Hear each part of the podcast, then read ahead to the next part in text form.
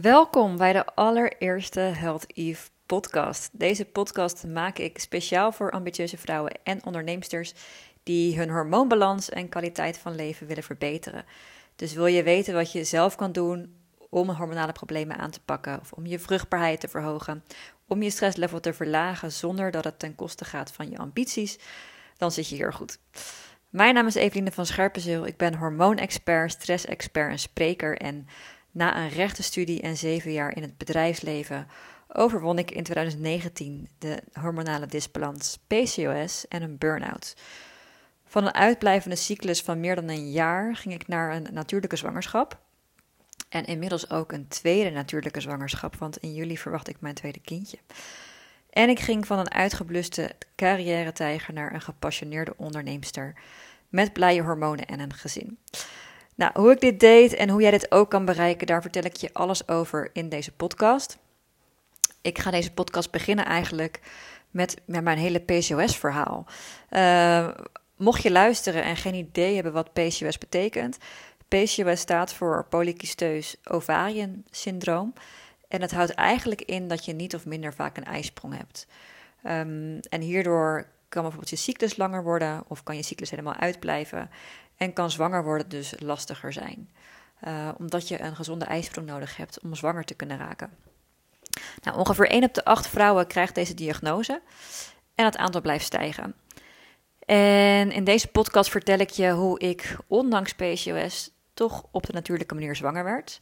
Zowel in 2019 als uh, ja, in 2022, vorig jaar. Want ik ben nu dus uh, zo'n vijf maanden zwanger van mijn tweede kindje. En dat is ook volledig op de natuurlijke manier uh, gegaan, gelukkig. Dus daar ben ik heel dankbaar voor. Maar wat ging er nou eigenlijk allemaal aan vooraf? Nou, ik stopte eind 2017 met de pil. Ik was toen eigenlijk 14 jaar lang aan de pil geweest. Op mijn 14 was ik eigenlijk begonnen omdat het gewoon makkelijk was om je cyclus te reguleren. En ik had best wel last van zware menstruaties als puber. En uh, ja, op mijn 28ste besloot ik gewoon eens te stoppen om te kijken van... hé, hey, hoe, uh, hoe gaat het eigenlijk? Hoe doet mijn lijf het eigenlijk zonder de pil? Werkt alles nog?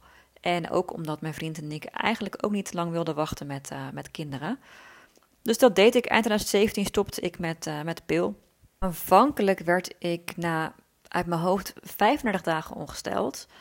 Um, het was een beetje bruinig bloedverlies, maar ik was blij, want ik dacht van... hé, hey, dit lijkt op een cyclus, dat is stop. En daarna, na 29 dagen weer. En daarna ook weer iets van 35 dagen. Dus ik dacht, nou, dat gaat best lekker. Maar daarna bleef het dus helemaal uit. En als ik nu terugkijk, dan weet ik eigenlijk dat de menstruaties die ik heb gehad na het stoppen met de pil, dat dat eigenlijk geen echte menstruaties waren omdat het uh, voornamelijk uit bruin bloedverlies bestond. En bruin bloedverlies is oud bloedverlies wat nog in je baarmoeder is achtergebleven van bijvoorbeeld vorige keren. Um, dus dat is eigenlijk niet te rekenen tot een echte menstruatie. Maar goed, dat wist ik toen nog niet. In ieder geval, na die drie keer menstrueren bleef mijn cyclus helemaal uit. En ik begon me eigenlijk ook steeds slechter te voelen. Ik had last van duizeligheid, uh, trillerigheid, enorme stemmingswisselingen. Ik voelde me eigenlijk gewoon niet meer mezelf. Ik kon echt best wel uh, neerslachtig zijn of moeilijk relativeren. Um, mijn haar begon enorm uit te vallen en mijn huid werd onrustig. Het waren allemaal dingen waarvan ik dacht, ja, ik voel me gewoon niet meer mezelf. En het klopt gewoon niet. En dan ga je googlen. En toen kwam ik eigenlijk al vrij snel op PCOS uit. Ook kreeg ik trouwens nog wat meer beharing op mijn bovenbenen. Dus uh, ja, daar word je, word je ook niet echt blij van. En dat paste ook heel erg bij PCOS. Dus ik besloot een afspraak te maken bij mijn huisarts. Uh, en ik sprak mijn vermoedens naar haar uit. Maar mijn huisarts gaf toen aan van, joh, je bent uh, heel slank, je hebt geen haar in je gezicht, dus waarschijnlijk is het geen PCOS.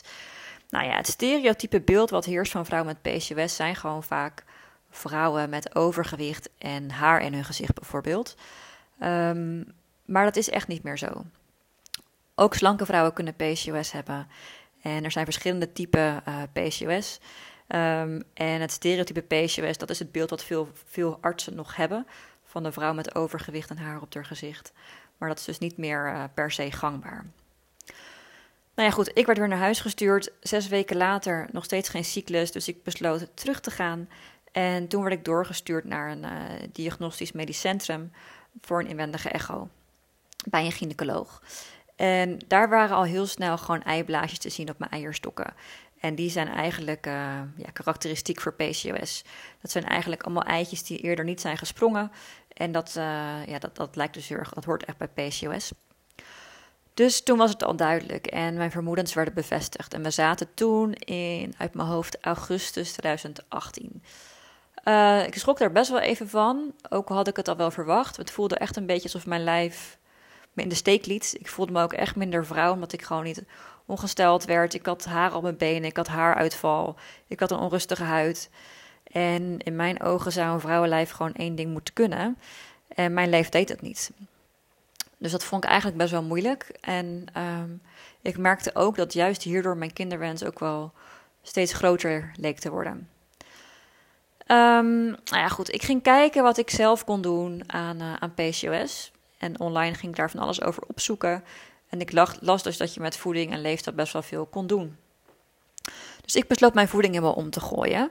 Um, ik uh, schrapte alle suiker. Uh, ik ging op dat moment ook koolhydraatarm eten. Dat zou ik met de kennis van nu absoluut niet meer aanraden. Omdat je koolhydraten echt nodig hebt als vrouw in de vruchtbare fase van je leven. Uh, maar dan gaat het natuurlijk wel om de juiste koolhydraten. Dus denk niet aan chips, wit brood, witte rijst, dat soort dingen. Maar denk bijvoorbeeld eerder aan zilvervliesrijst, zoete aardappel, quinoa, dat soort dingen. Um, ik beperkte ook het aantal eetmomenten op een dag. Dat, uh, ik ging maar drie of vier keer per dag eten en niet meer de hele dag uh, door. Zodat je bloedsuikerspiegel ook wat stabieler blijft. Dat is ook heel belangrijk bij PCOS. En ik voegde veel meer groenten toe, omdat bepaalde tekorten in vitamine en mineralen ook kunnen leiden tot hormonale problemen. In ieder geval, ik at eigenlijk volgens het boekje en ik deed dat lange tijd, maar uh, mijn cyclus veranderde eigenlijk niet. Nou, toen in oktober 2018, toen ging ik met mijn vriend naar het Erasmus MC voor een cola-onderzoek, zo heet dat. En dan gaan ze eigenlijk uh, kijken uh, ja, wat er bij jou aan de hand is hormonaal. Het is eigenlijk een soort vruchtbaarheidsonderzoek. Nou, dus ik, uh, ik werd weer een inwendige echo gedaan. mijn bloed werd ook geprikt en ik moest heel veel vragenlijsten invullen. En daar kwam dus weer PCOS uit. Dus zowel uit weer de, de op mijn eierstokken die ze zagen, als mijn bloeduitslagen. Nou, ook mijn vriend werd onderzocht. Bij hem was gelukkig alles goed. En toen werd gezegd in het ziekenhuis van... joh, als je zwanger wilt worden... dan kan je gewoon nu starten met een uh, hormoonkuur. Dus ze gebruiken dan uh, Clomid bijvoorbeeld. Dat is een, een, medicijn waarmee je dus je, je ijsprong op kan wekken. Maar ik besloot dat op dat moment niet te doen. Want ik was eigenlijk net zo twee maandjes bezig met, met anders eten. En op dat moment had ik net een nieuwe functie. Ik had promotie gemaakt naar um, propositiemarketeer bij het bedrijf waar ik werkte. En mijn vader was net twee weken daarvoor overleden. Uh, sneller dan we hadden verwacht. Dus er speelde gewoon onwijs veel. En ik dacht, ja, als ik nu een fertiliteitstraject inga, denk ik dat het gewoon even iets te heftig is, allemaal tegelijk. Dus ik gaf op dat moment aan bij de gynaecoloog dat ik het eerst nog even zelf wilde proberen en dat ik contact op zou nemen als ik op een later moment toch wilde starten met de Clomid. En dat was helemaal prima. Um, ik had wel parallel hieraan een afspraak gemaakt bij een orthomoleculair therapeut. Um, die mij verder zou kunnen helpen om mijn hormonen meer in balans te krijgen. En ik wilde dat eigenlijk eerst proberen. En daar kon ik wel pas in februari terecht. Dus tot februari 2019 was ik gewoon uh, aan de slag met voeding. Maar ik zag daarin gewoon geen resultaat, want mijn cyclus bleef nog steeds uit. Ook al had ik uh, helemaal volgens het boekje. Dus ik was heel blij toen ik eenmaal bij die orthomoleculair therapeut terecht kom. En um, daar hebben we onder andere een EMB-test gedaan, een bloedtest. En daar kwam bij mij uit dat stress voor mij een grote trigger was van mijn hormonale disbalans. Maar ook kwam eruit dat mijn darmen wat uit balans waren, dat mijn lever wat uit balans was. Um, dus daar zijn we toen heel gericht aan gaan werken. Nou ja, en ik had het net al een beetje verteld. Ik had net promotie gemaakt en mijn vader was overleden. Dus er speelde gewoon best wel veel tegelijk. En ik kwam dus ook in april 2019 thuis zitten met burn-out klachten. En ja, ik hoorde natuurlijk wel dat mijn orthomoleculair therapeut zei van... joh, stress is echt een ding bij jou. Je moet echt meer rust nemen. Maar ik dacht, ja, het zal wel. Ik was me eigenlijk helemaal niet zo bewust van stress. Uh, maar toen ik dus eenmaal thuis kwam te zitten, na drie weken werd ik voor het eerst voor ongesteld. En dan gewoon een echte menstruatie met rood bloed, alles erop en eraan, krampen. Nou ja, ik had niet verwacht dat ik daar ooit zo blij mee zou zijn. Um, en toen moest ik dus ook wel erkennen dat stress voor mij inderdaad wel echt een grote rol speelde. En dat is ook wat, wat per vrouw verschilt. Hè. Kijk, bij de ene vrouw is uh, voeding echt de sleutel en kan dat heel erg helpen om haar cyclus weer terug te krijgen. Bij een andere vrouw is het gewoon vooral bijvoorbeeld door stress gedreven, zoals bij mij het geval was. En dan kan je gezond eten tot je een ons weegt. En natuurlijk helpt dat wel iets. Maar zolang je stress hebt, um, ja, zal jouw lichaam altijd uh, de voorkeur geven aan overleven in plaats van aan voortplanten. En zal je dat dus ook terugzien in je cyclus bijvoorbeeld. Dus het is heel belangrijk om te weten wat jouw PCOS-trigger is. Dat wil ik er maar mee zeggen. Nou, in ieder geval, ik was super blij dat, uh, dat ik weer ongesteld was geworden. En parallel hieraan uh, ben ik ook lang naar een osteopaat gegaan. En een osteopaat is eigenlijk iemand die kijkt naar de balans in het hele lichaam. En uh, je kan daar bijvoorbeeld naartoe met, met, met rugklachten, met darmklachten, maar dus ook met vruchtbaarheidsproblemen. En uh, ik sprak met haar af om één keer per maand naar haar toe te gaan. En dan in totaal vier keer. En dan ging zij dus kijken of bijvoorbeeld de energie rondom mijn eierstokken, baarmoeder, um, bekkengebied goed stroomde. En ook rondom mijn hypofyse. De hypofyse is een klier in onze hersenen die eigenlijk ook onze hormonen uh, aanstuurt en die uh, betrokken is bij de hormoonaanmaak. Um, dus daar ging zij op werken. En ik merkte dus eigenlijk iedere keer dat ik bij haar was geweest, dat ik dan ongeveer twee weken later ongesteld werd. Dus ik, ja, ik heb het gevoel dat zij mij heel erg hielp om ook die ovulatie, die ijsprong weer op gang te krijgen. En mijn cyclus werd dus ook steeds regelmatiger. Dus weet je, na de eerste keer menstrueren was hij dus echt niet meteen regelmatig. Want het kost ook echt tijd voor hormonen om te herstellen. Vaak duurt dat wel een maand of vier. Dus hou daar ook rekening mee. Er is gewoon geen quick fix om je hormonen in balans te krijgen. Het vergt gewoon echt wel even wat tijd en soms ook een, een lange adem. Maar weet dat er vaak minimaal vier maanden nodig zijn voor je hormonen om te herstellen. Dus ik werd denk ik ongeveer twee maanden na die eerste keer werd ik weer ongesteld. En daarna werden het 35 dagen. En toen ineens 30 dagen. Dus het begon steeds meer ergens op te lijken. Dus daar was ik onwijs blij mee. Nou, in de tussentijd had ik besloten om niet meer terug te keren naar mijn, uh, naar mijn werkgever. En had ik een nieuwe baan gevonden in Rotterdam bij Coolblue. Ik woonde ook in Rotterdam op dat moment, dus dat kwam perfect uit. En uh, een hele leuke functie waar ik heel veel zin in had. En 1 oktober 2019 begon ik daar met werken. En ik had eigenlijk een van die dagen ook ongesteld moeten worden. Bij mijn orthomoleculair therapeut had ik ook ja, in diezelfde week had ik opnieuw een bloedtest gedaan om te kijken eigenlijk uh, in hoeverre alles verbeterd was. En uh, ik werd dus helemaal niet ongesteld die week. Dus ik dacht, nou ja, oké, het zal waarschijnlijk wel weer stress zijn, want dat is mijn grootste trigger, daar ben ik gevoelig voor. Ik heb net een nieuwe baan, dus ik kon het allemaal wel redelijk verklaren. Nou, een maand later ging ik die bloedtest bespreken met mijn orthomoleculair therapeut. En ik was dus nog steeds niet ongesteld geworden. En uit die bloedtest kwamen mijn hormonen eigenlijk als helemaal goed naar voren. Dus ik dacht, hé, hoe kan dat nou? Want ja, ik ben nog steeds niet ongesteld geworden en mijn hormonen komen nu wel uh, gewoon goed uit de test. En toen dacht ik van, hmm, eigenlijk doet mijn borst wel een beetje pijn en heb ik ook wel veel trek de laatste tijd. Dus ik dacht, nou ja, het zal toch niet. En toen ben ik dus een, uh, een test gaan doen, een uh, zwangerschapstest.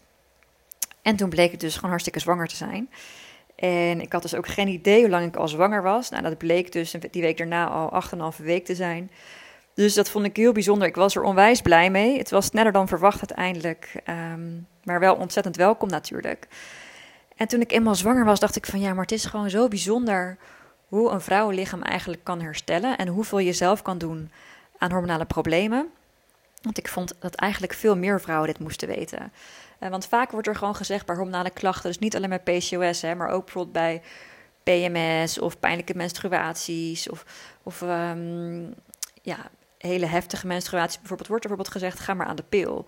Of kom maar terug als je zwanger wilt worden. Terwijl de pil heeft ook weer nadelen. En hoe mooi is het als je gewoon de oorzaak van die klachten kan wegnemen, waardoor je veel beter kan voelen. En in mijn geval dat mijn cyclus gewoon weer terugkwam. Dus um, ja, toen ik eenmaal zwanger was, besloot ik dus om um, eigenlijk na mijn zwangerschapsverlof niet meer terug te keren naar mijn werk in loondienst, maar zelf vrouwen te gaan helpen met hormonale problemen. En uh, toen ben ik dus ook Health Eve gestart. Uh, mijn dochtertje Amelie is in juni 2020 geboren.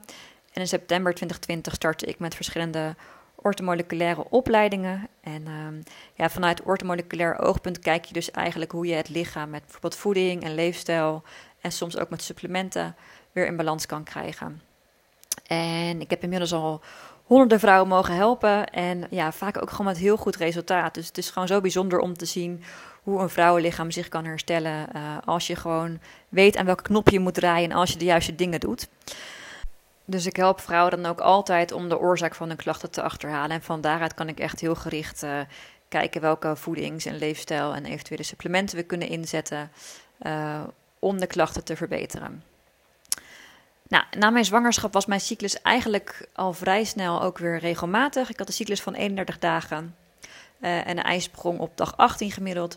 En we denken allemaal dat de cyclus 28 dagen moet duren, maar dat is absoluut niet het geval. Ja, 28 dagen is super netjes, maar eigenlijk als je cyclus tussen de 25 en 35 dagen zit, is dat gewoon hartstikke goed. En het belangrijkste is natuurlijk dat je weet of je een ijsprong hebt. Nou, ik ben dat dus bij gaan houden met een apparaatje dat heet de DAISY. D-A-Y-S-Y. En het is eigenlijk een soort van thermometer waarmee je dus je temperatuur kunt meten. En dat is interessant om, om bij te houden, omdat um, na je ijsprong jouw lichaamstemperatuur iets stijgt. En die blijft hoger tot aan je menstruatie. En dan daalt die dus weer. Dus ik vond het gewoon heel interessant om te weten: heb ik een ijsprong? Hoe is mijn cyclus? En het hielp mij ook enorm om mijn, uh, mijn lichaam beter te leren kennen. Dus dat is iets wat ik uh, vaak ook aanraad aan cliënten. Het is vaak even een investering. Je kan natuurlijk ook eerst ervoor kiezen om met een gewone thermometer te meten. Maar de Daisy zinkt ook helemaal met een app je telefoon. Dan krijg je dus allemaal mooie grafiekjes. En dan kun je dus ook precies zien wanneer je ongeveer vruchtbaar bent.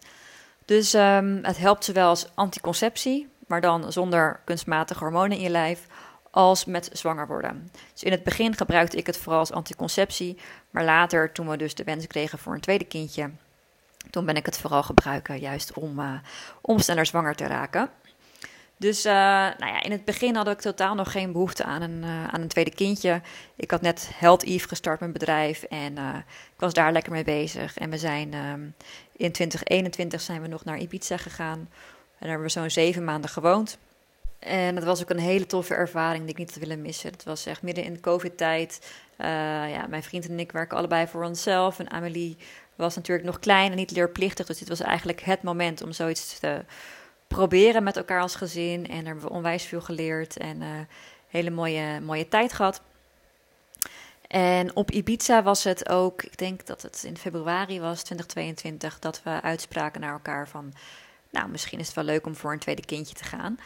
Maar we spraken ook wel uit van, willen niet meteen zo geforceerd bezig zijn met vruchtbare dagen en wat is de juiste timing.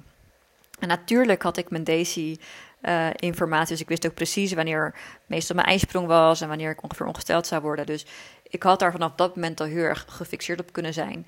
Maar daar krijg je vaak ook weer stress van en wil dat vooral nog een beetje luchtig houden. En het was ook niet erg als het wat langer zou duren.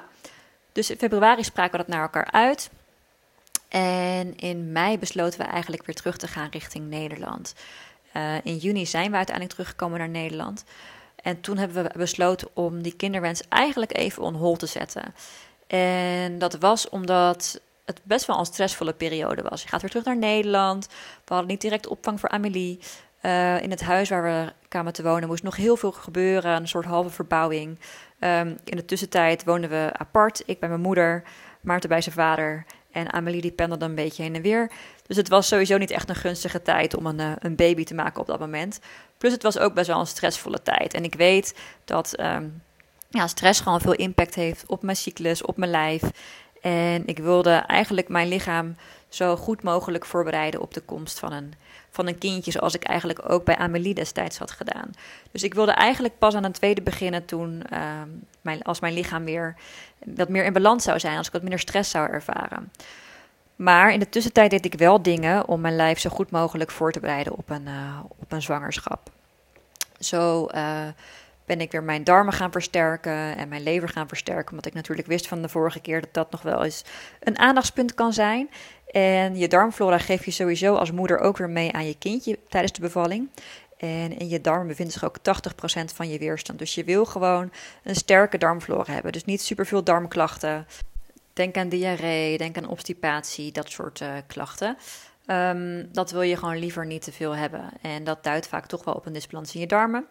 Dus vandaar dat het heel erg nuttig kan zijn om gewoon te zorgen voor een sterke darmflora voordat je zwanger wordt. En dat is eigenlijk ook wel eens iets wat ik uh, cliënten adviseer, ook al willen ze dat niet graag horen. Ehm, maar ik ben er altijd wel heel eerlijk in, bijvoorbeeld met een kinderwens. En uh, ik zie dat iemand heel erg uit balans is. Dat er bijvoorbeeld schimmels zijn of parasieten in de darmen. Dan raad ik eigenlijk altijd aan om eerst even twee maanden je kinderwens on te zetten. En dan eerst te werken aan het versterken van de darmflora. Eventueel de lever dus weer te versterken. Uh, zodat je je kindje gewoon een goede basis mee kan geven. En je gewoon een sterk lijf hebt om, uh, ja, om zwanger te raken. Um, dus dat heb ik nu ook weer gedaan. Ik ben aan de slag gegaan met probiotica. Ik heb een uh, kuurtje gedaan om mijn, mijn lever te boosten. Een sterke lever is belangrijk omdat je lever belast is met het, ja, het verwijderen van afvalstoffen uit je lijf, met het ontgiften het is gewoon heel erg belangrijk dat dat goed gebeurt. Um, ga het nooit allemaal op eigen houtje doen, trouwens, als je er weinig van weet. Ik raad altijd aan om wel eventjes te overleggen met een professional die ook jouw, uh, jouw situatie kent. Want er is online gewoon zoveel vindbaar. En mijn ervaring is dat op eigen houtje van alles gaan slikken soms meer kwaad kan doen dan goed. En bovendien is natuurlijk de basis het belangrijkste. En de basis die vind je vaak gewoon in gezond eten, weinig stress, genoeg bewegen, goed slapen. Misschien een open deur maar dat wil ik nog wel even meegeven. Dus lang verhaal kort. Um, ik wilde de stress uit mijn lijf uh, voordat ik uh, zwanger zou raken. En ik wilde gewoon mijn, lever en mijn darmen weer sterk hebben. En nou, dat was ik dus wel aan het doen. En toen in september, toen bespraken we uit naar elkaar van... Ja, nu, nu zijn we er eigenlijk wel klaar voor. We zijn gesetteld hier. Ik uh, had mijn draai wat meer gevonden. Ik had minder stress. Dus we hadden zoiets van, nou, laten we het nu gewoon gaan proberen. Nou, ik had natuurlijk al mijn Daisy-data bij de hand. En uh, nou, sowieso, ik, ik, vaar nooit blind op de data van Daisy. Tuurlijk, het is een hele fijne tool. Maar ik kijk ook altijd naar de signalen van mijn lijf. Dus mijn ijsprong herken ik vaak ook aan vruchtbaar slijm. Dus aan een afscheiding kan je dat herkennen. Nou, daarnaast, wat ik net al uitlegde, kun je dat natuurlijk ook merken aan een hoger libido, uh, heel veel energie. Dus dat zijn vaak dingen waaraan ons lijf ook gewoon aangeeft uh, dat je vruchtbaar bent. Dus alles matchte daarin. En uh, nou, in september besloten we dus om er wat gerichter voor te gaan. En eind oktober was ik zwanger. Dus heel dankbaar dat dat, um, ja, dat, eigenlijk op dat moment toch best wel rap is gegaan. En dat nu ook alles, uh, alles goed gaat. Ik ben inmiddels uh, 22 weken zwanger. En ja, ik mag niet klagen. Dus daar ben ik heel dankbaar voor. Dus ja, zo ben ik eigenlijk maar liefst twee keer, ondanks PCOS, op de natuurlijke manier zwanger geraakt. Dus ook Mocht je nu luisteren, mocht je PCOS hebben, mocht je bang zijn dat je nooit moeder zal worden. Uh, dat is voor mij echt super herkenbaar, want ik had al die gedachten precies vier jaar geleden. Maar weet dat eigenlijk vrouwen met PCOS gemiddeld evenveel kinderen krijgen als vrouwen zonder PCOS. Dat is ook echt wel uit onderzoeken gebleken. Dus laat dat je niet uh, ja, ongerust maken. En weet dus ook dat er naast hormoonkuren vaak ook nog wel veel is wat je zelf kan doen om je lichaam te versterken. En om je vruchtbaarheid te verhogen en om van PCOS af te komen. Mits je dus de oorzaak weet van jouw PCOS. En dat is iets waar ik vrouwen bij help. Als je de oorzaak weet, dan kan je dus heel gericht aan de slag met die triggers, met die PCOS-triggers. En dan ga je pas echt resultaat zien. Kijk, ik zie zoveel vrouwen die op hoop van zegen maar van alles proberen wat ze lezen online. Maar je weet gewoon niet of je de juiste dingen aan het doen bent voor jouw lijf. En hetzelfde geldt dus voor supplementen. Vrouwen die op eigen eigen initiatief allerlei dingen gaan slikken, maar ja, die misschien juist wel weer een negatieve invloed hebben op elkaar. En daarom is het gewoon zo belangrijk om, uh, om echt gedegen aan de slag te gaan. Wil je dus je hormonen meer in balans krijgen? Nou, weet je, begrijp me niet verkeerd, want het is onwijs fijn dat er een mogelijkheid is voor een fertiliteitstraject. En soms ontkom je daar dus niet aan. En dat is ook helemaal oké, maar weet wel dat als je dus ook bijvoorbeeld zelf op je voeding zou letten, op je stresslevel, op je slaap, op je beweging, dat dat ook weer je kansen in een ziekenhuistraject kan vergroten. Dus dat wil ik ook nog even meegeven. Er is geen goed of fout. Als jij je fijn voelt bij een ziekenhuistraject, dan moet je dat ook vooral doen. Um, nou, sommige vrouwen voelen zich weer fijner bij het in balans krijgen van de hormonen om dat zelf te doen, om de oorzaak aan te pakken. En dat is natuurlijk ook op zich voor je algehele gezondheid um, natuurlijk wel fijn. Want ja, menstrueren is ook detox, is ook ontgiften, is ook uh, dat het lichaam ja, afvalstoffen verwijdert. En dat is gewoon onwijs belangrijk ook om gezond te blijven en dat dat ook goed gebeurt. Eh, maar nogmaals, soms ontkom je er niet aan. Soms zijn er bijvoorbeeld ehm, genetische dingen die meespelen. Of is er misschien bij je partner iets waardoor een uh, fertiliteitstraject toch noodzakelijk is. Ehm, weet dan ook dat je zelf veel kunt doen om, uh, om je kans in dat traject ook te vergroten. Nou, dat even was eigenlijk mijn verhaal van, um, ja, hoe ben ik ondanks PCOS toch twee keer zwanger geraakt. En ik hoop dat je hier, uh, ja, als je misschien nu in zo'nzelfde situatie zit, dat je hier kracht uit, uh, put. En dat je weet wat er eigenlijk allemaal mogelijk is. Ik wil je in ieder geval onwijs bedanken voor het luisteren. Mocht je nou hier nog vragen over hebben of opmerkingen, mocht het herkenbaar zijn, voel je vrij om me even een berichtje te sturen op Instagram. Dat is health.eve. Um, en ja, check ook even mijn website healtheve.nl, kun je ook meer informatie vinden. Tot slot, wat ik bijna vergeet te zeggen, is mocht je dit nu luisteren, mocht het herkenbaar voor je zijn, mocht je uh, ook PCOS hebben en zwanger willen worden. Ik ben bezig met een videotraining voor vrouwen met PCOS die zwanger willen worden, waarin ik ga vertellen hoe je je kansen op een zwangerschap kan vergroten met PCOS. Ik belicht daar zowel uh, de kant van het fertiliteitstraject als wat je zelf kan doen, want uh, ja, er zijn gewoon meerdere mogelijkheden. En ik zal daarin ook wat dieper ingaan op wat je partner bijvoorbeeld kan doen om zijn vruchtbaarheid te verhogen. Want hey, het is voor allebei de kanten belangrijk om, uh, om zwanger te raken. Um, dus ja, mocht je daar ook meer over willen weten, hou me dan vooral even in de gaten op Instagram. Of schrijf je in voor mijn nieuwsbrief. Dat kan ook via mijn website www.healtheve.nl. Dan voor nu in ieder geval heel erg bedankt voor het luisteren. Mocht je dit nou horen en denken van... hé, hey, ik heb eigenlijk uh, wel een vraag hierover... of ik zou het interessant vinden als je hier nog een podcast over opneemt... voel je dan ook vooral vrij om even een bericht te sturen... want uh, alle input is welkom. Ik ben voor nu heel benieuwd wat je ervan vond. Vond je het wat? Laat een review achter op, uh, op Spotify of op, Google. Dat helpt mij ook weer uh, om meer, meer, mensen te bereiken met deze podcast. Nou, in ieder geval onwijs bedankt voor het luisteren en tot de volgende keer.